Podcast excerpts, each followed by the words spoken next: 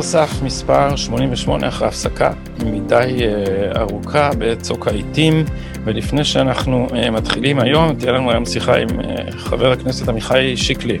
Uh, לפני שאנחנו נפנה לזה, אני צריך לקרוא הודעה שביקש uh, שאקרא uh, אסף מלאך, מי שהיה ממונה על תחום לימודי האזרחות במשרד החינוך, והוא הקשיב לראיון עם פרופסור אפרים פודוקסיק, ואמר, וביקש שאני אקריא את ההודעה הבאה. בריאיון שערכת עם פרופסור פודוקסיק, הוא טען טענות מוזרות על כך שמקצוע האזרחות מאז 2015 לא זז מהכיוון האולטרה-ליברלי ששלט בו קודם לכן, אלו דברים חסרי שחר לחלוטין. תוכנית הלימודים משנת 2011 החלה את התיקון, מחוון המושגים המתוקן שיצא בסוף 2015, חודשים ספורים אחרי שנכנסתי לתפקידי כיו"ר ועדת המקצוע, שינה לחלוטין את נקודת המבט החד צדדית ששלטה לפני כן במקצוע. השלמת ספר האזרחות החדש ופרסומו בשנת 2016 העמיקה את המהלך הזה.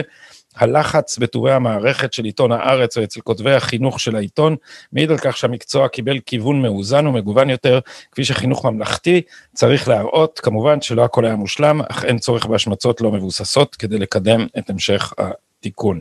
עד כאן ההודעה של אה, אסף מלאך. ועכשיו אנחנו פונים לחבר הכנסת עמיחי שיקלי, עמיחי שלום. שלום גדי. אנחנו לא נעמיד פנים שאנחנו לא מכירים, כי הכרנו הרבה הרבה לפני ש...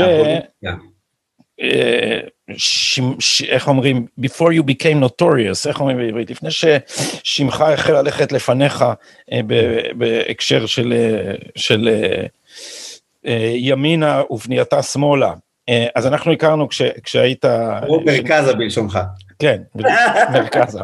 אז אנחנו הכרנו עוד כשהיית אה, במדרשה אה, למנהיגות אה, אה, ציונית בתבור, אה, והזמנת אותי לדבר כמה פעמים לפני הסטודנטים שלך, לפעמים חשבת שהגזמתי, נכון? שזעזעתי אותם בכמה עניינים, אה, אבל אני חושב שסך הכל, אני חושב שסך הכל אתה ניהלת את, המדרשה באופן פתוח, אבל זה פרק אה, שעכשיו בטח נראה לך רחוק, אחרי שעברת בתוך הטורנדו של uh, המהלכים המסעירים האחרונים. אז קודם כל, דבר ראשון, סלח לי שאני מתחיל בתחום החוויות, לפני שאנחנו עוברים לתחום המחשבות שהוא יותר חשוב.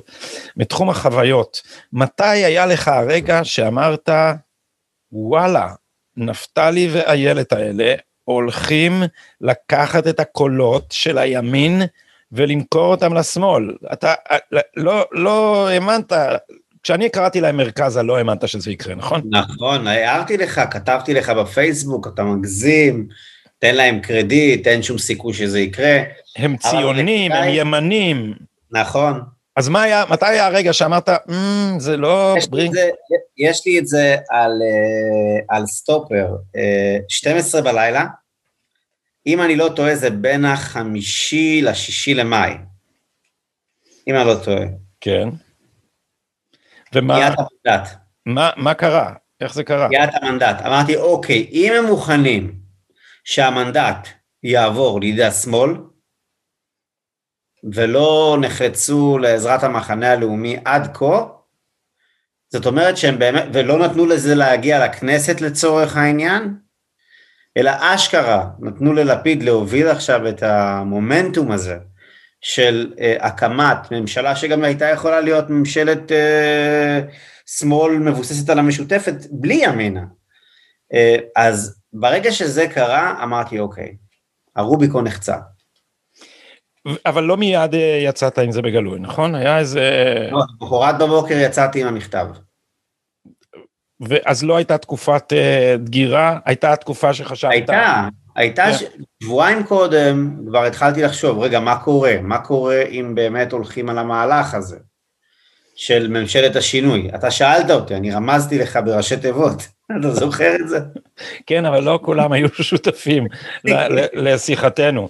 אבל כן. אתה לא, לא גילית, אתה נכון. רמזת ולא גילית. נכון. אה, אה, אז אז היה תקופה שאמרת, שהכנת את עצמך, בעצם נכון. אמרת, אם, אז הנה תוכנית הפעולה שלי, ותוכנית נכון. הפעולה, וממש קיוויתי שאתה טועה. להתוודות ולהיות ח"כ, חפ"ש, במדרון האחורי, ולעשות את הדרך אט אט, ובלבד שתקום ממשלה לאומית.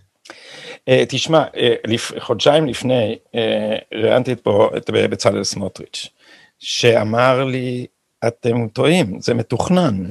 נפתלי בנט לא הולך להקים גוש ימין, הוא לא, הוא פניו למקום אחר. בדיעבד, כשאתה מסתכל על זה עכשיו, האם זה היה מתוכנן?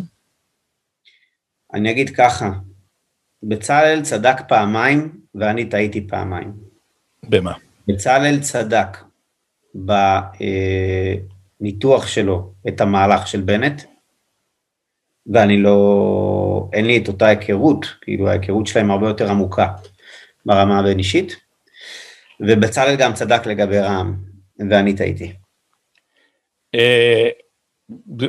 נזכיר אז לצופינו ומאזיננו, בצלאל גם אה, מנע אה, הישענות של הליכוד, חד פעמית, רב פעמית, זה לא כך משנה, אה, אה, על רע"מ בכל מקרה, אני, חוש... אני חושב, ש... אני חשבתי שהוא צדק עוד בזמנו, שאסור להפוך את רע"מ לבורר. אני, אני אמרתי שאני מפריד בין מנסור עבאס ליתר חברי הרשימה, ושאני חושב שהקו של מנסור עבאס הוא קו מתון, אבל בכל שבוע שחולף ורואים את ההתנהלות ומתחילים להתגלות עוד ועוד אה, אמירות והתבטאויות, אם זה של ווליד טאה ואם של אלחרומי, אגב אנחנו מציינים השבוע אה, אה, את הנושא של תרפ"ט, מאורעות תרפ"ט, אה, י"ז באב, וחרומי אה, משגב שלום, שבט אלעזזמה, העלה בעבר את אותו פוסט שבל"ד העלו, של הזדהות עם אה, שלושה מהנאשמים שהוצאו להורג אה, בעוון רצח חפים מפשע בחברון,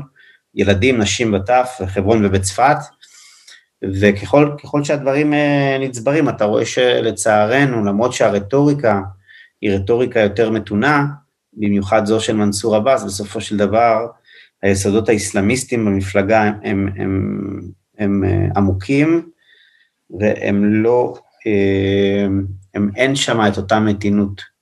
אה, זה טכניקה של האחים, זה, זה טכניקה של האחים המוסלמים בהרבה מקומות. הטכניקה היא להציג פני מתינות כדי uh, לחדור לתוך המערכות, כדי לשאוב מהם כספים, להקים uh, מערכות רווחה שיקרבו אליהם אוכלוסיות, שאחר כך יעברו אינדוקטרינציה בבתי ספר ובמסגדים, כדי לגייס אותם למטרה הקדושה, ואסור להפוך את האנשים האלה לבור...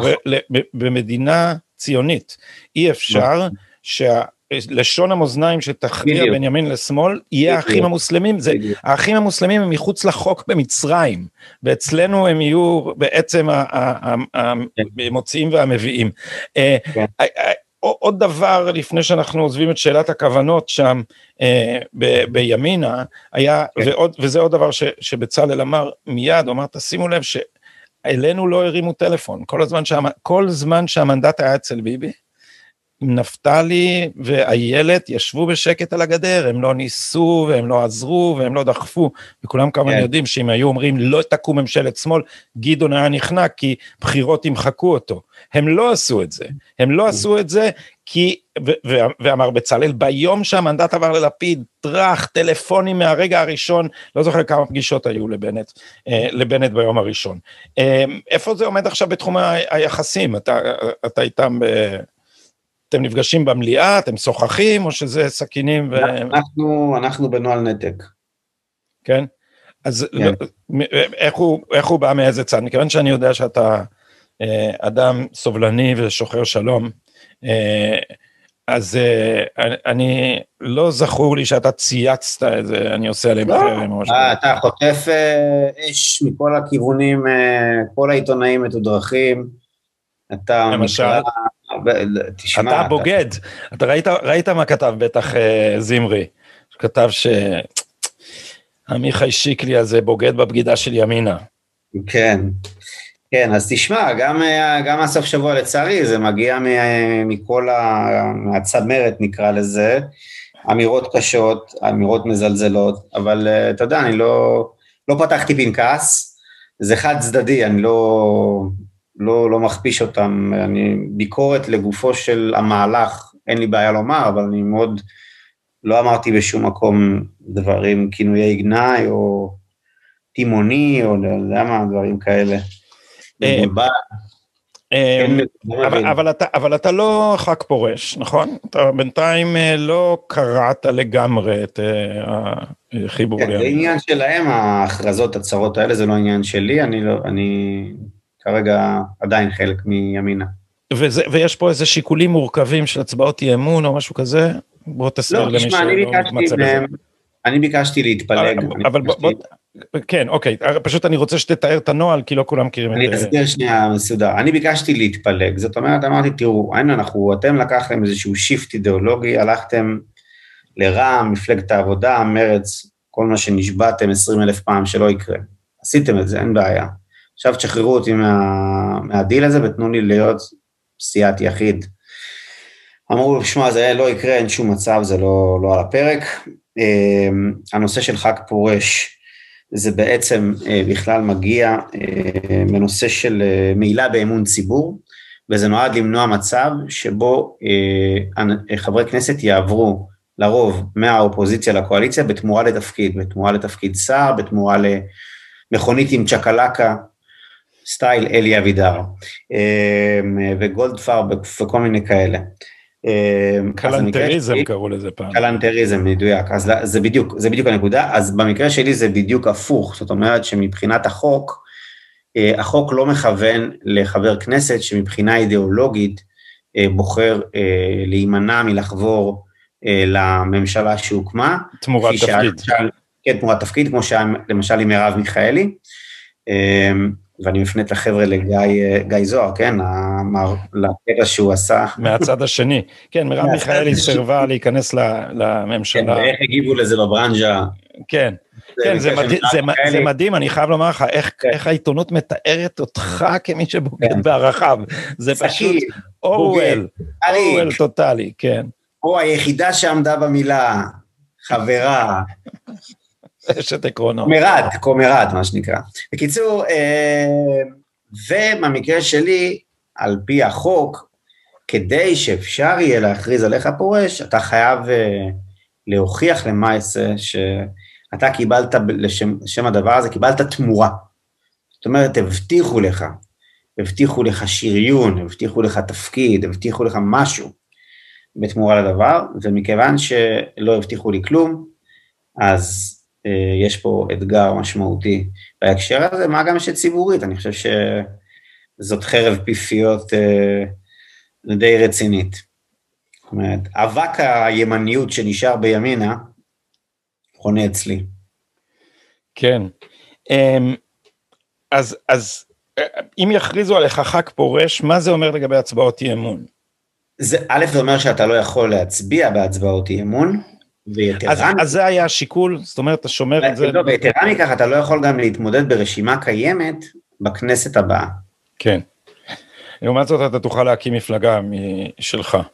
נכון. אבל, אבל, אבל השאלה היא, האם, מה, המחיר שאתה משלם על זה שאתה לא מביא את הקונפרונטציה איתם לזה שאתה תהפוך לח"כ פורש? תראה, אם לצורך העניין אתה רוצה לשמור על אופציה תיאורטית להתמודד ברשימת הליכוד בעתיד, או ברשימת, לא יודע מה, הציונות הדתית, או בכל רשימה במחנה הלאומי, אם אתה רוצה לעשות את הדבר הזה, אז אתה, זה רק אם אתה לא ח"כ פורש. אם אתה ח"כ פורש, כל המפלגות הקיימות, אתה לא יכול להיות חלק מהן. ומי מי, מי תקע לידך שהם לא יעשו לך את זה ברגע האחרון? תגיע הצבעת אי אמון, יספרו לא, כמה יש קואליציה. אני יוצא מנקודת הנחה שבכל מקרה אה, יש אפשרות שיכריזו עליי כח"כ פורש. אני נערך גם לתרחיש הזה. ובמקרה כזה, אה, מה תוכניותיך? לא ניכנס לפרטים, אבל בוא נאמר שיש. עמיחי, אין ספק שאתה נעשית הפוליטיקאי. אתה שוקע, כן, אתה עובר מה שקוראים לזה באנגלית crash course. באמת, כן. באת בתור אה, אה, אני לא אגיד נאיבי, כי אתה לא נאיבי, אבל באת מתחום החינוך, ואדם שפיו וליבו שווים, ורגיל לזה, ופתאום, ונכנסת למצב, תשמע, אני חשבתי על זה מבחינת, מבחינת, מבחינה נפשית, מה עובר על בן אדם, שכל העסק הזה, הענק, פתאום אה, עומד על, ה, על הקול שלו. Mm-hmm. כפי שקרה למשל בחוק האזרחות. אמ, אז בואו נתאר רגע את הדרמה של, ה, של האירוע הזה. אה, קודם כל מדובר בהוראת שעה, נכון? זה לא חוק, זה נכון. הוראת שעה שמאריכים אותה מדי שנה, שהיא שמאפשרת אה, למדינה לאסור את השיבה הזוחלת באמצעות איחוד משפחות. עלייה נכון. וקוץ בה, ניסחו את הוראת השעה, מאיפה באה כל ההיסטוריה של הדבר הזה? כי מדינה רשאית לא לאפשר אזרחים של מדינת אויב להתאזרח בה גם באמצעות נישואים. אבל מרגע נכון. שהתחיל תהליך השלום המדומה עם הפלסטינים, אז, אז הם לא הוגדרו כמדינת אויב, אז עכשיו נשאלה השאלה, אז למה לא? וכמובן שהפלסטינים זה הבעיה הכי גדולה שלנו, זה לא שיש אה, נהירה המונית כרגע מאיראן להתאזרח אצלנו. אז, אז עשו טלאי שם, אמרו אוקיי, כדי לשכנע את בג"ץ, אמרו מטעמי ביטחון, כי הרבה מהם טרוריסטים. זה נכון, נכון שהרבה מהם טרוריסטים, אבל זה לא השיקול היחיד, ופה לא, בגלל, אה, בגלל שהם מפחדים מבג"ץ, ובג"ץ אה, הוא פרוגרסיבי, אז לא אמרו, חברים, שיקול הוא דמוגרפי, אנחנו לא, אנחנו לא יכולים שהעם השכן, העוין, אה, ינצל את הפרצה הזאת בשביל לעשות זכות שיבה בפועל. ואז עשו את ההוראת השעה הזאת שנשענת על ביטחון וכל שנה מעריכים אותה ואז היא מגיעה לבית המשפט היא נופלת שם על חודו של כל אחד היא נפלה בתקופה. נכון. סוף אהרון ברק. נכון. ויותר מפעם אחת. אה, ו, ו, ואז ההוראת השעה מגיעה לכנסת והחברים הימנים לשעבר בתוך הקואליציה הניחו כמובן מאליו שהאופוזיציה תציל אותם. כי הם נכון. עשו, הם עשו uh, קואליציה עם, uh, עם, עם אלה שרוצים להחריב את המפעל הציוני, אבל כי, כי בראש שלהם ביבי תמיד אחראי, זה לא, הם לא באמת בשלטון. אז הם יצעקו גוואלד והליכוד יבוא להציל אותם, והליכוד אמר, לא, השיקול שלנו זה להפיל אותם. אבל אתה במקור התכוונת להצביע יחד עם הקואליציה, כדי נכון. להעביר את הוראת השעה. ובעצם ההצבעה הייתה תלויה בקול שלך, נכון? ואתה הפלת את, ה, את, את הארכת הוראת השעה. אה, בוא, תסביר לנו למה. ככה, מה שבעצם קרה זה כמה דברים. א', בשלב מסוים הודיעו שמשלבים פה גם הצבעת אמון בממשלה. זאת אומרת, לא מצביעים רק על הוראת השעה, אלא זו גם הצבעת אמון סלש אי אמון. וזה כבר סיבך את העניינים. דבר שני, יכולת לראות לאורך הלילה דבר מדהים. יכולת לראות איך פועלת הממשלה הזו שתלויה לחלוטין בקולות רע"מ ובקולות מרץ. ואז אתה רואה איך בשעות לא שעות, תחת לחץ אדיר, תוך כמה שעות, במקום שזה יהיה הארכה לשנה, זה עובר הארכה לחצי שנה. במקום שיהיו 1,500 היתרים שיינתנו לנושא של ביטוח לאומי, רישיונות נהיגה, דברים מהסוג הזה, זה עובר ל-1,500 ועוד 1,600 היתרים חדשים, זאת אומרת 3,100, ומה, איזה מוטיבציה זה הולך עכשיו לייצר, כשיודעים שאם בעצם הצלחת להגיע למעמד, אתה מקבל את כל ההטבות הסוציאליות. הדבר הכי דרמטי היה סיכום, שתוך 90 יום, תוך 90 יום, זאת אומרת זה הכל עם אולטימטומים, תוך 90 יום חוק האזרחות הבסיסי, לא הוראת השעה, חוק האזרחות הולך להשתנות. מי, מי הולך להוביל את השינוי? רע"מ ומרץ, הם אלה שהולכים להוביל את השינוי. וחוץ מהדבר הזה גם הוחלט שוועדת הפנים בראשות סייד אל-חרומי, גם כן תקלה לאומית שלא ברא השטן, תצטרך לקבל דיווחים אחת לשלושים יום מוועדת משנה על אה, אה, אזרוח נוסף של פלסטינים, אה, ובין כל העסקת חבילה שנרקמה אי שם בין אה, שתיים לפנות בוקר לארבע לפנות בוקר, חלק מהדברים החברי כנסת גילו את זה כי איילת הגיעה ונתנה הסבר על חלק מהדברים, חלק מהדברים אף אחד לא היה לו מזה מושג. ו... חלק מהדברים אה, איילת פשוט הסתירה, נכון? פשוט... אה, זה לא, זה לא נאמר, ואז בעצם בבוקר כשאנשים... רגע, לא נאמר, זה, זה, זה דבר, לא, זה לא דבר שאפשר לעבור עליו לסדר, mm-hmm.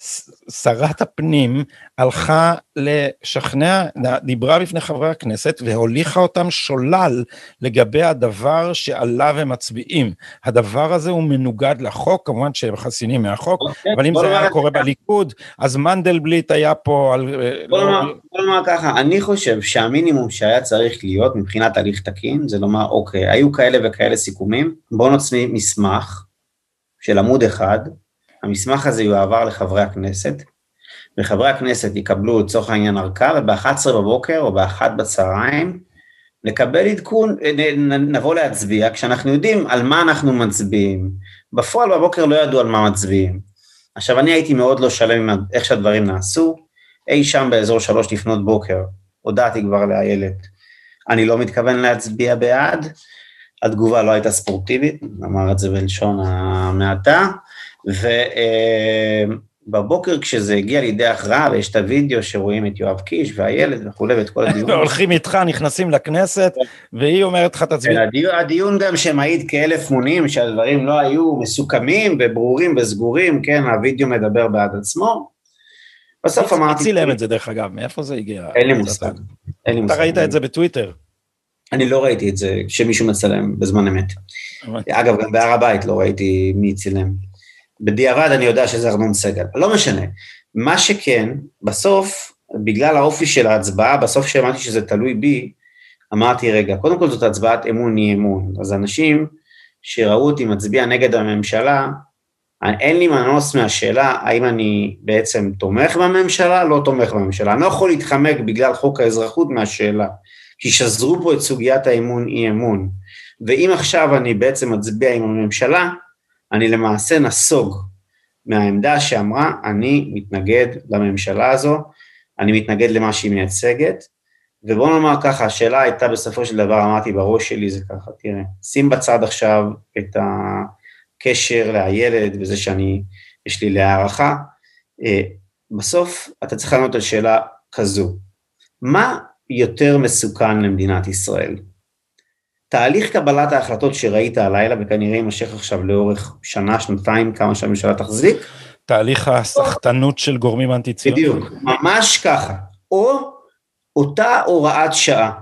ואמרתי, התהליך שראיתי לאורך הלילה, הוא לאין ארוך יותר קטלני לציונות מהוראת השעה. אי לכך ובהתאם לזאת אני הולך להצביע נגד, הגם שזה יהיה כרוך במחיר ציבורי, שהיה לי ברור, הגם שזה יהיה כרוך במחיר אישי ובמחיר של לצורך העניין לפגוע במערכת יחסים שהייתה יקרה לי, וזה המערכת יחסים עם הילד, אני לא מדבר על יתר המפלגה, אני מדבר עליה, אה, וזו הייתה החלטה קשה פי עשר מאשר ההחלטה להתנגד להקמת הממשלה, שהכל היה ידוע מראש. ומה, ומה יהיה, בוא נדבר על המחיר של, של ההחלטה הזאת, ב, לא ברמה האישית אלא ברמה הלאומית, מה יהיה עכשיו? עכשיו אין הוראת שעה, עכשיו יש לך כן. בג"ץ okay. פרוגרסיבי, יש לך, יגישו בקשות בצורה סיטונאית הרי, ו, ואם הם נכנסים, הבקשות נכנסות לצנרת, אנחנו יודעים מה יוצא מבג"ץ בצד השני. יפה. אז קודם כל, כרגע זה עובר לאישור פרטני של שרת הפנים, ומכיוון ששרת הפנים זו איילת, ומכיוון שמי שמקיף אותה זה אנשים שהם גם אנשים שיש להם מחויבות לאומית, כמו יאיר הירש לצורך העניין, שהוא מנכ"ל משרד הפנים, אז אני לא חושב שהולך להיות לנו פה איזה שיטפון כזה או אחר, זה דבר ראשון. דבר שני, אפשר להביא את הוראת השעה שוב, בלי כל המסחרה מסביב, ולאשר אותה, ואני אתמוך בה, זה דבר נוסף. אבל בלי הליכוד היא לא תעבור, מה זאת אומרת? היא לא תעבור. לא, למה? היא יכולה לעבור בכוח, בכוח הקואליציה, כאילו, היא יכולה לעבור. רע"מ ורע"מ ומרץ לא יצביעו בעד הוראת השעה. נכון, אני, אפשר יהיה למצוא איזשהו סידור. אני חושב שהפתרון הזה, אני לא סתם הצטרפתי ליוזמה של שמחה רוטמן כיוזם לחוק יסוד ההגירה, הצטערתי לשמוע שהקואליציה בחרה לדחות את ההצבעה בעניין החוק הזה לחצי שנה קדימה. אני חושב שחוק יסוד ההגירה נותן פתרון הוליסטי, מקיף, הוא מתייחס גם להיבטים הביטחוניים, אבל גם להיבטים התרבותיים והלאומיים, וזה הפתרון האמיתי. והדמוגרפיים, וזה הפתרון האמיתי. אבל הפתרון הזה הוא פתרון תיאורטי בשעה שיש קואליציה שבדיוק את הד... הרי הקואליציה הזאת רוצה, ב...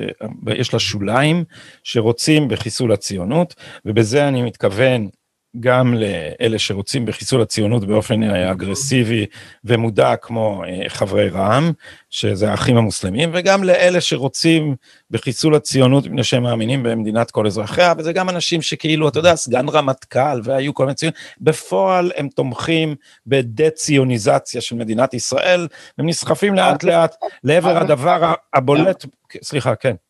כן, שמענו את, אה, אני חושב שהדברים של יאיר גולן, בתשעה באב היו די מדהימים. זאת אומרת, יאיר גולן טרח לציין שהוא בעצם לא מתייחס לתשעה באב כאל יום ייחודי, כי הוא פועל למען זכויות הלהט"ב ולמען זכויות השונה לכל אורך ימות השנה. ואתה שומע את הדברים של יאיר גולן, ואתה אומר, ריבונו של עולם, מה? מה כרגע, מה, מה אמרת? מה זה השטויות האלה? מה הקשר? מה הקשר? זה יום לאומי פר אקסלנס, שבו אנחנו מציינים אירוע פרטיקולרי, מאוד מאוד ספציפי, חורבן הבית הראשון בידי האימפריה הבבלית, בידי, נבוכדנצר, אובדן הריבונות שלנו והאחיזה שלנו בבירתנו הנצחית, אובדן הריבונות שלנו בפעם השנייה בידי רומא, במרד הגדול ובמרד בר כוכבא, גירוש ספרד, והמהדרין מוסיפים גוש קטיף. זה מה שמציינים ביום הזה. זה לא קשור בכלל בעניינים של, אני לא מקל ראש, כן, בזכויות של השונה ודברים אחרים, אבל, אבל מה זה... אתה, אבל אתה שם לב שזה גולש משולי השמאל הרדיקלי, שזה...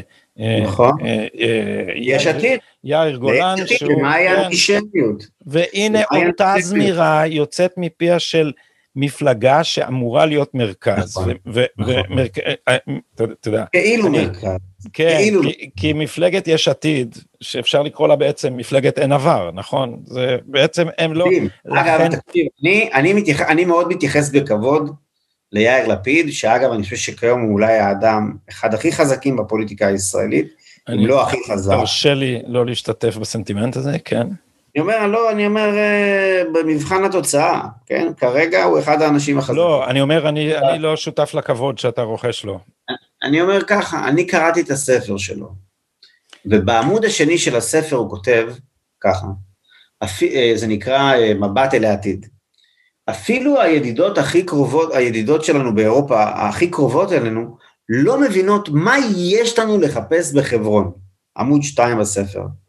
אתה אומר, אדם שמתיימר להיות ראש ממשלה, הוא כבר ראש ממשלה חליפי, זאת אומרת, בגדול, מנהיג העם היהודי, ואתה אומר, אין לנו מה לחפש במקום שבו קבור ישראל, זאת אומרת, גם לשיטת, נקרא לזה הזהות הישראלית, כן?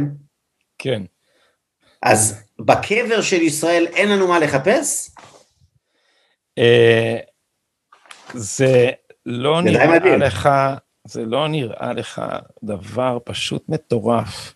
שאני לא רוצה, אני לא, אני לא רוצה לשתף אותך ב, ב, ב, ב, בנטייתי להשמיץ, אבל שאדם באמת ריק מתוכן, בלי שום, בלי, אין עבר, באמת אין עבר.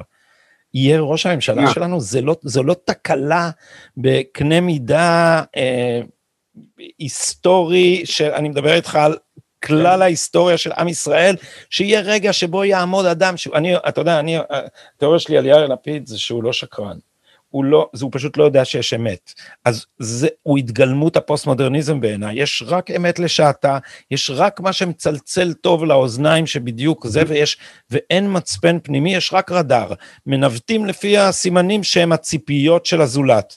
זה, זה, זה, זה הפוך גם מהנהגה. אבל, אבל הגלישה הזאת מה, מה, מהמדינת כל אזרחיה של, של, אה, של יאיר גולן שהוא באמת בסדר הוא במרץ זאת מפלגה פוסט ציונית אנחנו יודעים זה לא חדש נכון. זה מפלגה שאומרת שהיא לא אתה יודע מוסי רז אומר אנחנו לא יכולים להגיד שאנחנו ציונים כי יש ערבים. זה, האנשים כן. האלה אומרים, אנחנו לא, לא יכולים להגיד שמדינה יהודית זה לגיטימית, כי יש בה ערבים, זה אותו טיעון הרי. אה, אבל הדבר הזה גולש למפלגה שמתיימרת לי, לייצג את המרכז, יאיר לפיד עוד אומר לעצמו שהוא שמרן, אבל אז, עזוב, ש, אני, אני מניח שזה פשוט אי הבנה של כן. המושגים, אבל זה כבר במרכז מדברים בשפה שממסמסת את האנטישמיות. ועושה ממנה, כל השנאות הן אותו דבר. אנטישמיות, הוא אמר, זה שם המשפחה של כל, ה, של כל האפליות וכל השנאות, מבלי נכון. להבין שהטענה הזאת, הצד השני של המטבע הזה, כשהופכים אותו, זה הטענה נגד הציונות, כי זאת נכון. הטענה נגד הייחוד היהודי בכלל, והדבר, הצעד הבא שהפרוגרסיבים עושים עם הטיעון הזה, זה להגיד שהניסיון לשמור על הייחוד היהודי הוא מפלה. הוא מפלה את הערבים, הוא מפלה את האחרים, הוא אה, שוביניסטי, הוא וכו' וכו', הפוליטיקה של הזהות וכל הדבר הזה, אבל זאת בעצם התקפת הדה-לגיטימציה על הציונות, על הלאומיות. עכשיו אני אגיד לך את זה, בס... ב... ב... יש לי חבר שהוא לגמרי א-פוליטי, באמת הפוליטיקה מעניינת אותו ברמת ה... אה, ברמת המסך הכניסה של ה-Windows, של הכותרות, ו... אבל הוא, שעזב את ישראל, אמר, אתם, למה אתם כל הזמן מצטופפים ורוצים להיות ביחד? למה אתם כל הזמן עם עצמכם? למה אתם לא יכולים לראות שכולם אה, אנושיים? זה, mm-hmm. הטענה הזאת היא בסוף הטענה נגד הזכות שלנו להגדרה עצמית. ועכשיו זה, מדהים, תגיד לי איפה זה נעצר.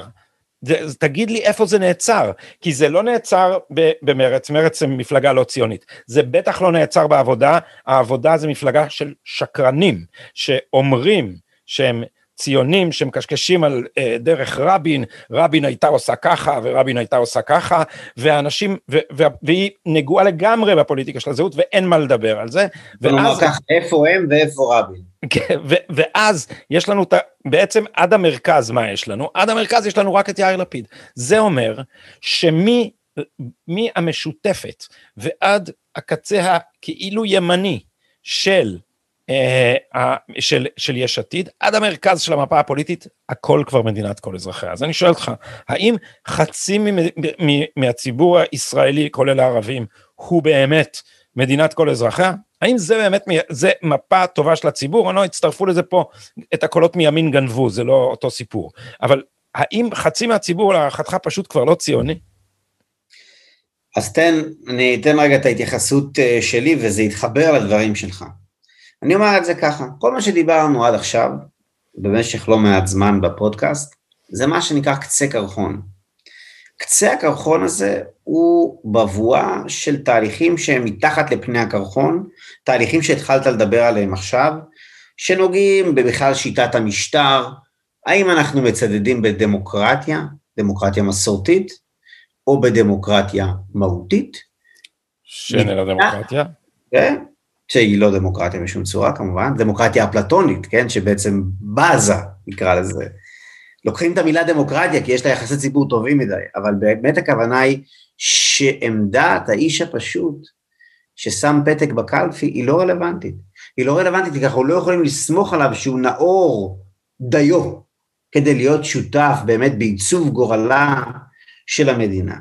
ומתחת לשאלה הזאת יש עוד שאלה, איפה אתה אוחז? האם אתה בעד מה שאתה קראת לו עולמם של הניידים, שהגורו שלו זה ג'ון לנון עם השיר Imagine, כן? עולם ללא גבולות, עולם שבעצם, אה, אתה יודע, בלי, אה, אה, ללא דתות, ללא מחויבויות לאומיות, עולם קוסמופוליטי, או שאתה לצורך העניין שבוי באותה תפיסת עולם מיושנת, שיש שיקראו אותה ריחנות השמרנית, שבאה ואומרת, היופי של העולם, הגיוון של העולם, נובע מזה שיש קבוצות שלכל אחת יש תרבות מיוחדת משלה. אנחנו לא שפוטים של מה שנקרא קונגלומרט, פייסבוק, אמזון, גוגל, שהם בעצם לקחו בעלות על אותו עולם קוסמופוליטי של ג'ון לנון, ואז בקצה, בדלת אמות שלנו, זה מצטמצם למה שאסף ענברי ניסח, הסופר אסף ענברי, ניסח באופן מבריק במאמר שלו, העיירה היהודית מדינת ישראל, הסכסוך היהודי-ישראלי, אוקיי? שהוא בעצם משקף את המגמה של כמעט כל שאלה שנוגעת לפוליטיקה שלנו. אם זה דת ומדינה, אם זה יהודה ושומרון, ומה בעצם בסיס היחס שלנו ליהודה ושומרון, וכל שאלה פוליטית אחרת, כולל מה ששאלת עכשיו, איך בעצם בנויה המפה הפוליטית, כן? איפה, מה, מה פה קורה פה? האם בעצם המרכז איבד מגע עם הציונות?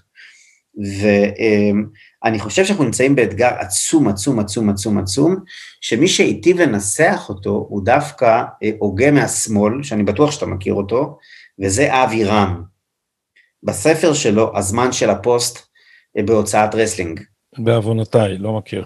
לא מכיר, אז זה, זה, הוא איש חשוב, והוא בעצם בא ואומר את הדבר הבא, הוא אומר, תראו, נכון, כאידיאולוגיה, הפוסט-ציונות, זאת אומרת, מי שחושב שהציונות היא, לצורך העניין, או פסולה לחלוטין, מכיוון שהיא לאומנית, גזענית וכולי, או שהיא לא רלוונטית, לא משנה. האידיאולוגים הפוסט-ציוניים, אומר אבי רם, זו קבוצה קטנה, אבל להבדיל מאידיאולוגיה פוסט-ציונית, יש מה שנקרא הוויה פוסט-ציונית, או מצב פוסט-ציוני, וזה מסות של אנשים שהם בעצם אדישים לזה. זה לא מפעיל אותם, זה לא מרגש אותם. כשהם אומרים באיזה טקס אה, ביום הזיכרון, נפש יהודי הומייה, הם לא באמת מתכוונים לזה, זה לא באמת מפעיל אותם באיזושהי צורה. שם יש מסות, ולכן אומר אבי רם, לפוסט ציונות יש כוח הרבה יותר מאשר קבוצת האידיאולוגים שמכונה פוסט ציוניים. אני, אני אגיד לך איפה אני פוגש את הטיעון הזה, כי אני חושב שלקבוצה של האידיאולוגים הפוסט-ציוניים יש חלק באדישות לציונות של המסות האלה, מפני שבמשך זמן רב מטפטפים אלטרנטיבה שלפעמים היא לוחמנית, ואתה יודע, אורן יפתחאל, ולא יודע, סמי שלום שטרית, וכל מיני, אילן פפה, וכל מיני וריאציות על הציונות היא רשע. לבין כאלה שלאט לאט מטפטפים לך את Imagine של ג'ון לנון. נכון. שבאמת ההסתגרות הזאת, והלאומיות, והלאומיות היא נגד הדמוקרטיה, ומה שהחדירו, מה שהחדירו המשפטנים, שאת ה... את, את השיח, השיח העוועים שבו אה, שואלים איך אפשר לשלב בין יהודית לדמוקרטית, כאילו יש פה איזה שני דברים מנוגדים שהיה צריך להלחים אותם, בעוד שאלה שני צדדים של, אה, של הזכות להגדרה עצמית שהיא דמוקרטית, כי כשאתה נותן לציבור יהודי חופש פוליטי, הם לא ייצרו מדינה פינית, הם ייצרו מדינה שבאופן ספונטני מתעלת את תרבותם לספירה הציבורית. אבל כאן אני חושב קרה עוד משהו שאי אפשר להתעלם ממנו, כי במשך שנים, אתה יודע, אני מלמד אה, קורסים על הציונות הרבה שנים, ו, ויש לי, זה באוניברסיטה העברית, ויש לי הרבה תלמידים, אה, גם ב-BA וגם ב-MA, שהם מהציונות הדתית. כן. והטיעונים בציונות הדתית היו במשך הרבה שנים, תשמעו, Mm-hmm. כל העסק הזה קורה משום ש... ולא תמיד במפורש, אני, אני פה מפשט אה, דברים שלפעמים יש להם יותר דקויות. בעצם הם אומרים, תראו, אתם נטשתם את הדת, ומשם התחיל התהליך, ואחרי זה זה נהיה לאומיות, והלאומיות נהייתה ככה, והיא נתמסמסה, ואז בעצם למה, ואם אין אלוהים. ואני, והשיח הזה לפחות הם היו מאוד משוכנעים בו, ואני חושב, אני חושד שהם שכנעו אחרים. אני לא השתכנעתי בזה, משום שאני חושב שהציונות הדתית, הלאומיות שלה, מבוססת הדת, היא דווקא פחות פוליטית ולא יותר פוליטית. האם השיח הזה עכשיו השתנה כשאנחנו רואים שחלקים מאותם הציונים הטהורים של הציונות הדתית, במקום להזדעזע ממה שקרה, מדובר על אחוז, כנראה מקסימום שליש. אה, אחוז ממצביעי ימינה, המפלגה שלך, אה, אחוז, עד שליש ממצביעי המפלגה שלך, ציונים דתיים, שלא שמים לב שיש בעיה ושהולכים לממשלה הפוסט-ציונית הזאת בעיניים פקוחות, ואתה שומע את דניאלה וייס מדברת ואתה אומר, אה, זה המשיחיות המנותקת מהמציאות, היא הובילה אותם, גם לאבד את הלאומיות. אז אני, אני, אני אענה, תראה. מה שקורה ככה, אז בעצם יש לנו את מה שאמרנו הפוסט ציונות האידיאולוגית, שהיא באמת נחלתם של מעטים באקדמיה, בקולנוע אה, וכולי, ויש הוויה פוסט ציונית, ויש לה הגמוניה היום במדינת ישראל, ומדבר על זה הרבה אבישי בן חיים, ואתה מדבר על זה הרבה בהקשר של הניידים, יש לה הגמוניה היום שליטה בשפה. השליטה בשפה היא מאפשרת אה, לנווט גם ציבורים, כמו שעכשיו ציינת, חלקים באליטה של הציונות הדתית לעבר המחוזות של הפוסט ציונות ללא כוונה, מבלי באמת שזה מה ש... שהם בעומק מאמינים בהשקפת עולם, אידיאולוגיה פוסטית, אבל הם משאבים לשם. איך עושים את זה? קח מושג כמו הטוב המשותף. לך תתנגד לטוב המשותף. איזה אדם סביר, כן, אם נשתמש ברטוריקה, כן? של המשפטנים. של המשפטנים. איזה אדם סביר ירצה להתנגד אל הטוב המשותף? האם אפשר להתנגד לטוב המשותף? הרי ברור שזה מה, הטוב המשותף, זה החלום כאילו של כולנו רוצים בטוב המשותף. אבל מה בעצם אומר הטוב המשותף? הטוב המשותף בגדול אומר נאום השבטים של ריבלין, שאני מסופק אם הוא כתב אותו. מה אומר נאום השבטים של ריבלין? הוא אומר, תראו, בגדול, בואו נעשה שלכולם יהיה פה נעים, בסדר? יש פה שבט ערבי, יש פה שבט חרדי, יש פה שבט חילוני, יש פה שבט דתי-לאומי. במקרה או שלא, הוא בחר להשמיט שבט עצום שנקרא השבט המסורתי, במקרה או שלא, השבט הזה מזוהה עם מפלגת הליכוד, בסדר? הוא, השבט הזה נשמט מהתיאוריה. anyway, השב... יש שבטים, והשבטים האלה עכשיו, אי אפשר שכל אחד מהם הוא יממש את מלוא מאווייו, אז אנחנו נגיע לאיזה עמק השווה. לכולם יהיה נעים. קונפדרציה. אוקיי, אז זה לא אידיאולוגיה פוסט-ציונית, הוא לא נגד הציונות. ברור שלגבי חלק מהשבטים האלה, ציונות זה דבר מאוד חשוב, זה ציפור הנפש. אבל הציונות פסקה מלהיות בעצם הדבר שמלכד את המסה הקריטית של שבטי ישראל. יענה הציוני לריבלין ויגיד לו, הלו, הלו, חבוב, התבלבלת. קנית את הלוקש הפוסט-ציוני על מלא. With all due respect למה שאתה קורא השבט הערבי, האוכלוסייה הערבית במרביתה, לאומית רואה את עצמה שייכת לתנועה הלאומית הפלסטינית או ללאומיות הערבית, חלקים ממנה מוכנים להזדהות גם עם, נקרא לזה לאומיות ישראלית. את אותו חלק שמוכן להזדהות עם הרובד הלאומי האזרחי הישראלי, אני מחבק בחום. אני אומר, Welcome aboard. כל מי שמוכן לכבד את ישראל כמדינה יהודית ודמוקרטית בציבור הערבי, אני אומר, בואו, בואו לצבא, ובואו לפוליטיקה, ובואו להנהגה, ותהיו שופטי עליון, תהיו מה שאתם רוצים. אבל כל מי בציבור הערבי שלא מוכן לכבד, עזוב להכיר, לכבד, את היותה של, של ישראל, מדינת הלאום של העם היהודי, לא שבט ולא נעליים. מבחינתי הוא יכול להיות תושב, הוא לא יכול להיות אזרח. אז אתה, אתה, אתה, אתה, אתה בעד, אתה בעד שלילת אזרחות מאזרחים ערבים, אם הם כופרים בזכותנו להגדרה עצמית? מי שכופר בזכותנו להגדרה עצמית, מה שאני אומר לגביו, לא יכול להיות לו ייצוג לאומי בפרלמנט על פי חוק יסוד הכנסת. ייצוג, רגע, פי... רגע, אבל זכות בחירה? אני אומר ככה, אני נגד לשלול זכות בחירה. אני בעד זה שבכנסת ישראל ניישם את חוק יסוד הכנסת ככתבו וכלשונו. בוא נתחיל מזה. מקובל עליי, אבל אתה אמרת פה דבר יותר מרחיק, רגע, אמרת פה דבר יותר מרחיק לכת, אז בוא, אם הגזמת בניסוח, אז בוא תבהיר. האם כן. אתה בעד שלילת אזרחות ממי שלא תומך בקיומו של אה, אה, המפעל הציוני? לא, אני לא בעד לשלול אזרחות. זה צעד, מה שנקרא, אחד רחוק מדי. אני אומר, בואו נלך... ואם היינו... ואם היינו מספחים עכשיו חלק מיהודה ושומרון, מכילים ריבונות בחלק מיהודה ושומרון, עם אזרחות או בלי אזרחות לערבים שיושבים בהם. אני חושב שמדינה שהיא מדינה דמוקרטית, ואם היא עושה עכשיו סיפוח לצורך העניין בשטחי C, היא צריכה לאפשר לאנשים שם להצביע למפלגות שנמצאות בפרלמנט. המפלגות שנמצאות בפרלמנט צריכות להיות כפופות לחוק, לחוק יסוד הכנסת. זה הכל. זה מספיק. נזכיר רק על מה אנחנו מדברים, אנחנו מדברים על uh, סעיף 7, 7. ש, כן. שאומר שמפלגה שרצה לכנסת צריכה uh, ל, לא יכולה, לא יכולה להתנגד לקיומה של ישראל כמדינה יהודית ודמוקרטית. נכון, היא לא יכולה לשלול את זכותו של העם היהודי להגדרה עצמית, היא לא יכולה לגלות תמיכה בטרור. אתה זה, לא יכול... זה, זה חוק להיות... יסוד, זה חוק יסוד שבג"ץ דרס אותו לגמרי, כי המפלגות נכון, הערביות לא צריכות להיות בכנסת. חד וחלק, חד וחלק.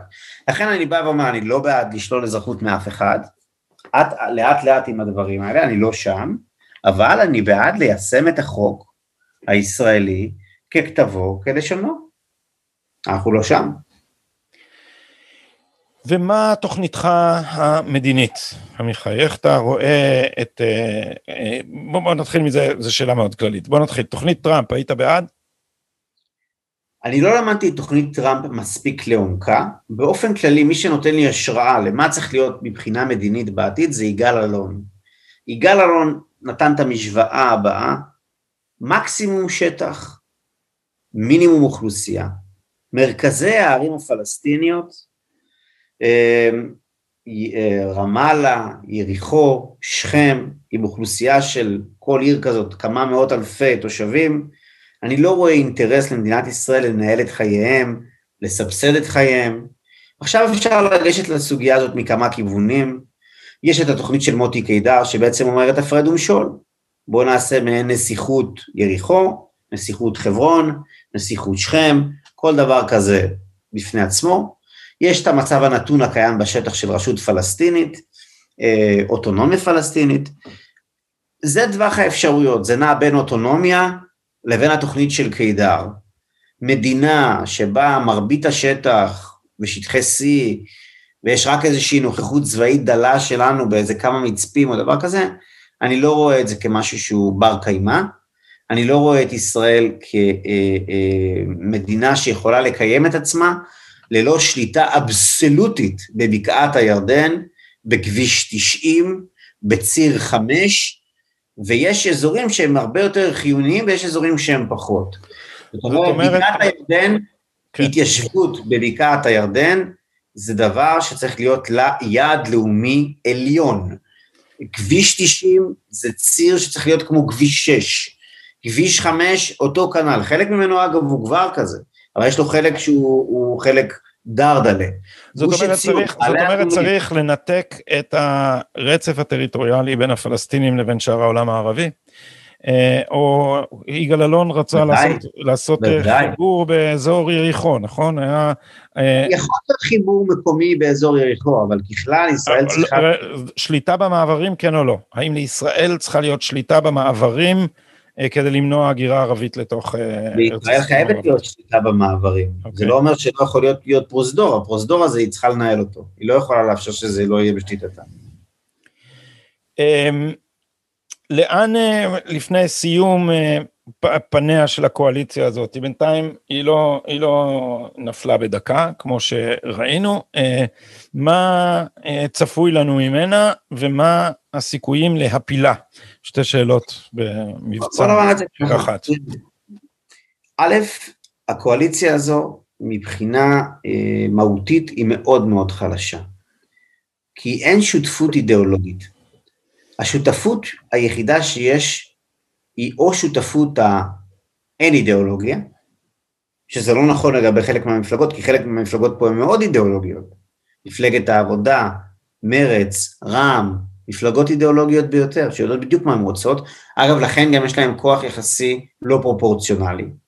זאת אומרת, הן לא מפלגות שמכרו את האני מאמין שלהם בעבור בצע כסף, אלא הם בעצם, אה, אה, נקרא לזה, יש להם אג'נדה מאוד מאוד ברורה אה, לגבי מה הם רוצים להשיג אידיאולוגית, והם גם מממשים את זה אה, מיום ליום. ו... ואני אתקן מה שאמרתי קודם, זה לא בצע כסף, נקרא לזה בצע שררה, כן? בצע שלטון. כן. אמ, ויש עוד עניין, וזה בעצם הקונגלומרט רק לא ביבי, כן? זאת אומרת, אתה שואל את עצמך, אוקיי, איך זאב אלקין הגיע לאירוע הזה? או איך גדעון סער הגיע לאירוע הזה? מה, מה הביא אנשים שהיו כל חייהם במחנה הלאומי אה, לפוזיציה הזאת? וזה בעצם האידיאולוגיה שפשטה כאן בשנתיים שלוש האחרונות של רל"ב, יש עכשיו תערוכה בכיכר אה, רבין, אה, בצורת לך, מין תערוכה כזאת, איזה הומאז' לסדי בן שטרית. אבל יש עוד דבר, עמיחי, יש עוד דבר, כן. וזה, וזה, אם הם, הם ביחד הם צפים, לחוד הם יטבעו. זאת אומרת, הם, אה, הם, לכולם, חוץ מאולי לשולי השמאל היהודי, אה, לכל השאר מחכה, אה, מחכה רק התהום של אחוז החסימה בצד השני. זה סוד כוחה של הממשלה. יש עתיד גם. סוד כוחה, סוד כוחה של הממשלה הוא שלמרבית השחקנים על, ה, על הלוח, יש המון מה להפסיד מלפרק את החבילה. אם תקווה חדשה מפרקים את החבילה, לפי הסקרים האחרונים, הם לא עוברים אחוז חסימה. אם אה, אה, ימינה מפרקת את החבילה, היא צריכה להמציא לעצמה בייס חדש, והיא גם מאבדת את כס ראש הממשלה. אם יש עתיד מפרקת את החבילה, אז ראשות הממשלה שממתינה מעבר לפינה, אז בעצם זה כבר לא מובטח. כל מפלגה פה, אם רע"מ תפרק את החבילה, היא גם כן שילמה מחירים והיא יכולה גם כן להימחק לטובת המשותפת. כל שחקן כמעט משמעותי על הלוח כרגע, אם הוא מפרק את החבילה, הסיכון שהוא לוקח על עצמו הוא סיכון אדיר. ולכן ליותר מדי שחקנים יש יותר מדי מה לאבד. אז איך זה יכול ליפול? מה, איזה קונסטלציה, איזה צירוף נסיבות יכול להביא לנפילתה של... אז כמובן, אז הקלאסיקה, זה, יש פה שתי אפשרויות. אופציה אחת, זה בעצם איזשהו מבצע צבאי ברצועה או בלבנון, שלא יאפשר שיתוף פעולה עם רע"מ או עם המשותפת, יחשוף את האבסורד שבממשלה כזו, אה, יחייב את המפלגות הציוניות בתוך הממשלה אה, בעצם מה שנקרא להישיר מבט למציאות, ובעצם זה יפרק את הממשלה. אז זו אופציה אחת והיא ברורה. ואופציה שנייה היא בעצם נוגעת יותר לנושא של, אה, נקרא לזה כבוד ויחסי אנוש, ושם החוליה שהיא בעיניי החוליה החלשה היא דווקא כחול לבן ובני גנץ. בני גנץ בעצם היה בממשלה דומה, פשוט בשותפות עם הליכוד, אז הוא חטף בעצם קיתונות של בוץ, קיתונות של בוז, והיה לו מעמד די כאילו משמעותי בממשלה הזו, וזאת הייתה ממשלה לא רעה, שידעה להתמודד לא רע עם הקורונה, אה, ובסופו של דבר היא לא, אה, היא לא החזיקה מעמד. ועכשיו אני חושב שבני גנץ בעצמו, והוא אומר את זה במילותיו שלו, מזועזע מהצביעות שאליה הוא נחשף. הוא אומר, איך פתאום עכשיו כשזה מגיע ממפלגה אחרת כמו ימינה, פתאום אותו דבר שאני עשיתי נתפס כדבר שהוא אידיליה. איך כאילו ההבדל ביחס הזה? ואם השחקנים לא אה, מאוד מאוד יכבדו אותו, ולא ייתנו לכחול לבן אה, את המשקל שמגיע לה, אפרופו ועדת הכלכלה ומה שהוא דיבר עליו בהקשר הזה, למול אה, ישראל ביתנו, אפרופו שחיתויות ועניינים מהסוג הזה, אז יכול להיות שדווקא משם תבוא באמת אה, הפתעה. אה, אני לא בונה ערים וגבעות על בני גנץ. לא, גם אני לא בונה ערים וגבעות על בני גנץ. אני אומר, אלה שתי האפשרויות, אני לא רואה אפשרות נוספת. זה, בכל אופן אין פה בשורה ברמה המיידית, אין, החמאס הרגע הוכה, מבצע בעזה, ייקח להם הרבה מאוד זמן להתאושש. נכון, נכון. אה, אגב, אני לא חושב, אני לא חושב שהמחנה הלאומי צריך אה, לספר לעצמו אה, שמחר בבוקר, או גג עוד שבוע, או עוד שבועיים, הכל יהיה סבבה, וזה. אני חושב שאנחנו צריכים להתאזר בסבלנות. אה, ומה שנקרא אה, לאגור כוחות ולהיבנות, להיבנות אינטלקטואלית אה, ולהיבנות ציבורית ולחשוף את העיוותים ולחשוף את הצביעות, אפרופו הג'ובים, אלי אבידר, יאיר גולן, אתה יודע, אם האנשים האלה היו יושבים בשקט בעניינים האלה קודם לכן, אתה יודע, זה דבר אחד, אבל הם הרימו את זה, במיוחד אלי אבידר, הרים את זה ממש על נס, זה כאילו היה הדגל שלו, איזה ממשלה מנופחת, וכל הסגני שרים, ואז בתמורה לדבר הזה הוא בעצם מוכן ליישר קו אחרי שהוא כאילו מרד ב... זאת אומרת, אתה יודע, בהיבט של דוגמה אישית, של יושר, של, אתה יודע, א' ב' של אותנטיות, של איזשהו קרדיביליות כן. ציבורית. זה פשוט, זה לא, כן, זה, זה, לא, זה לא האיש, זה לא זה מגוחך, זה... אתה מסתכל על זה ואתה אומר, בחייאת, אתה צוחק? אתה צוחק. כן. אה, סבלנות ולבנות את עצמנו באופן מושכל ולטווח ארוך, זה הכל אה, טוב. אה, אבל השעון האיראני מתקתק, הצלחנו להביא את עצמנו למצב שבו אם הידיעות האלה נכונות, ארה"ב ורוסיה הגיעו להסכמה שהתקיפות הישראליות לא צריך לאפשר אותן. מדיניות האפס הפתעות כלפי אמריקה, ממשל ממש עוין. והחזרת הווטו הפלסטיני, אתה יודע, זה ה... אני ראיינתי פה בפודקאסט את, את, את מזכיר המדינה, אה, פומפאו, מייק פומפאו, והוא אמר שלושה דברים על מדיניות החוץ האמריקאית. אמרתי לו, מה אתם עשיתם שונה? כי אתה יודע, אני, כל כך הרבה אנשים אמרו לי, אבל לטראמפ לא הייתה מדיניות, טראמפ הוא רק, יש לו רק אינסטינקטים, הוא רק זה, לא, לפומפאו אדם מסודר. והוא אמר שלושה עקרונות היו למדיניות של ארה"ב. אחד, לזהות את הגורם המחרחר מלחמות, שזה איראן, ולבודד אותו. שנית, לעקוף את הווטו הפלסטיני, להיגמל מהרעיון שכל דבר צריך, כן. הערה על איראן, אני לא חושב שהציבור בישראל מבין איזה נוקאוט טראמפ ונתניהו הנחיתו על האיראנים. הם בודדו אותה, ממש מצור על איראן, הם פירקו אותה כלכלית. אתה יודע, כשאתה מסתכל על החמאס במבצע האחרון ואומר, רגע, מה קרה לחמאס של צוק איתן ולחמאס של שומר החומות? איפה כוחות קומנדו, איפה הנוח'בה, איפה פשיטות, איפה... לא ראית שום יוזמה, שום תחכום, ירו מסות של רקטות, אבל לא הצליחו לייצר שום פעולה משמעותית. חמאס הוכה פה שוק על ירך. למה? כסף, כסף. חמאס במשבר כלכלי אדיר. איך הוא הגיע למשבר הזה? בגלל מה שקרה באיראן. כן. והדבר הזה הולך להשתנות. לרעה. כן, בוודאי. לרעה.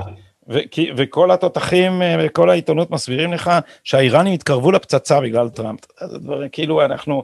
אני כבר הרבה זמן אומר, הסיפור הוא מותה של העיתונות, אנשים אין להם תמונה של המציאות, מאוד קשה לעבור את המסכים, את הזוועות ואת הצעיפים שבהם העיתונות בונה נרטיב ממשפט נתניהו ועד איראן, לחלוטין מנותק מהמציאות, מטראמפ ועד ביידן, לחלוטין אה, מנותק מהמציאות, אה, כן. סין וקוביד, מנותק מהמציאות, כלכלה, מנותק מהמציאות, בונים פה, וזאת העיתונות הפוסט מודרנית, אבל. Don't get me started at the end. איראן היה סעיף אחד, תמשיך לשניים ולשלוש. אז איראן אה, אה, זה, זה אה, לבוד, הגורם המסכסך וצריך לבודד אותה. שתיים, צריך להיפטר מהווטו הפלסטיני ומהטעות שאומרת ש... אי אפשר להתקדם לשלום עם אף מדינה ערבית בלי שקודם פותרים את העניין הפלסטיני, הדבר הזה קרה בגלל איראן בין השאר, אבל אצל פומפאו וטראמפ זו הייתה מדיניות, הדבר הזה ביידן עכשיו מגלגל לאחור, ולכן פוגע, במתכוון פוגע בהסכמי אברהם, שאסור, אסור בממשל ביידן לקרוא להם, אסור לקרוא להם, אסור לקרוא להם הסכמי אברהם, נכון. כדי להפריט בערכם, רגע, רגע, ושלוש, ושלוש זה שצריך להשאיר פה אה, כוח התערבות במזרח התיכון. בעצם ביידן, אה, אה, מגלגל לאחור את כל הדברים האלה, אבל זמננו תם, אה, ולכן אנחנו נקרא לזה חלק א' של השיחה, ואני כן. אומר לך, כמו שאני אומר לרבים ממרואייניי, הבה נשוב וניפגש באופן עונתי, ונעקוב אחרי מה שקורה, ואחר המסלול שלך, שהפיח בהרבה אנשים תקווה רבה, כמו שאתה יודע, אני לא הראשון שאומר לך על זה, ש... תודה, תודה רבה. שיש, שיש אנשים שעומדים אה, על, ה, על הערכים שלהם, גם אם זה עולה להם בזה ש... אה, מקהלת התקשורת אה, תבוז להם, אז אני לא אכחיש שיש לי עמדה כאן שאתה יודע אותה והיא לך בכוחך זה. אז אנחנו נאחל לך המשך, מה מאחלים למישהו בכנסת? המשך עבודה פורייה אה, אה, בעונה הזאת אה, בכנסת, ושלא תיפול רוחך גם נוכח הרוחות הרעות האלה. אז תודה רבה לך, מיכאל, על השיחה הזאת. תודה רבה, גדי. להתראות, לילה טוב. לילה טוב.